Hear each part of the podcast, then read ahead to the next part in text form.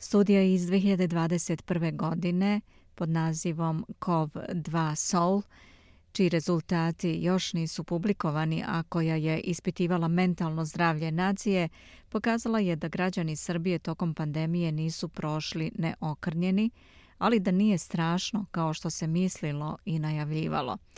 Na liniji imamo Miju Nikolić. Mija, dobar dan. Recite nam kakvi su rezultati pomenute studije. E, studija rađena na reprezentativnom uzorku od 1200 ispitanika koje su istraživači lično obilazili pokazala je da oko 6% stanovništva starosti od 18 do 65 godina ima simptome depresije i oni se kreću od umerenih preko umereno jakih do jakih.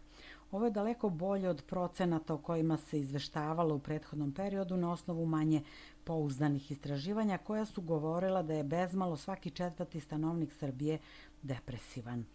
Ipak više je u odnosu na 2013. što izgleda jeste uticaj pandemije. Kako objašnjavaju istraživači, u leto 2021.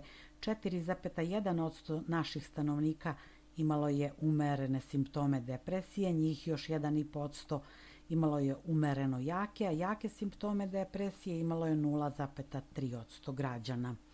U odnosu na prethodne podatke koji potiču iz 2013. godine, procenat onih sa umerenim simptomima depresije povećan je za 2%, a onih sa umereno jakim za oko 1 procenat.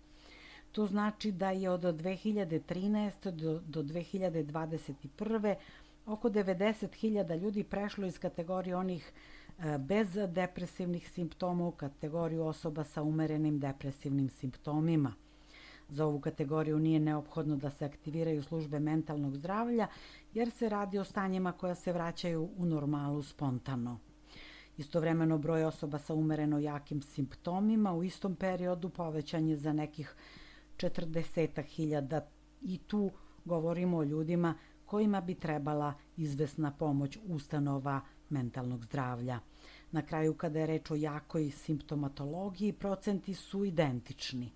I 2013. u leto 2021. bilo je oko 0,3% osoba sa jakim simptomima depresije i taj broj se konstantno održava.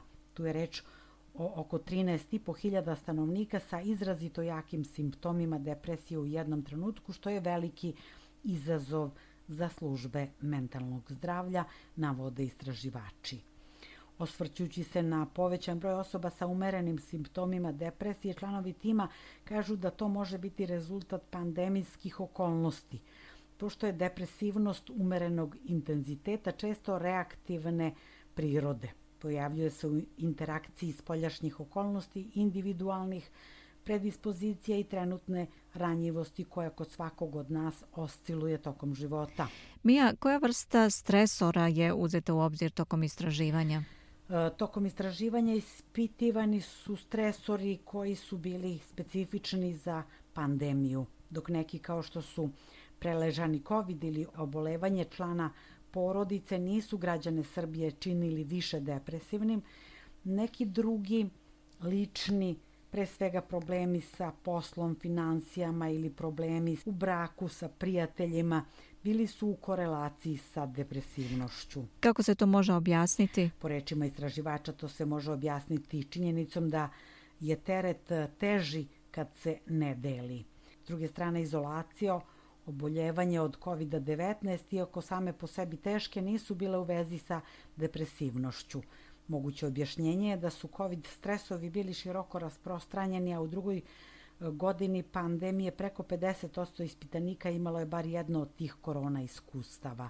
Ta sprečenost da delimo dobro i zlo sa drugima tokom izolacije jeste razlog da su pojedini stresori u vreme pandemije dobili na intenzitetu, objašnjavaju iz istraživačkog tima. Mija, u poređenju sa pripadnicima drugih nacija, da li su građani Srbije više ili manje depresivni i kako se to objašnjava? Na osnovu sličnih istraživanja urađenih u svetu, oni zaključuju da su građani Srbije manje depresivni od pojedinih zapadnoevropskih naroda. To se jednim delom može objasniti različitim metodologijama istraživanja, ali imaju i drugo objašnjenje. Ne može se isključiti mogućnost da su nas razni izazovi, treniranje da tolerišemo neizvesnost i povišena verovatnoća nepredviđenih okolnosti kroz koje prolazimo decenijama unazad učinili nešto otpornijim. Druga mogućnost je da deo stanovništva negativna afektivna stanja doživljava kroz nespecifične smetnje u telu, a ta anksiozna ili depresivna stanja ne umeju da iskažu navode iz istraživačkog tima. I toliko za danas. Hvala Mija. Bila je to naša saradnica iz Srbije Mija Nikolić. Ostanite sa nama.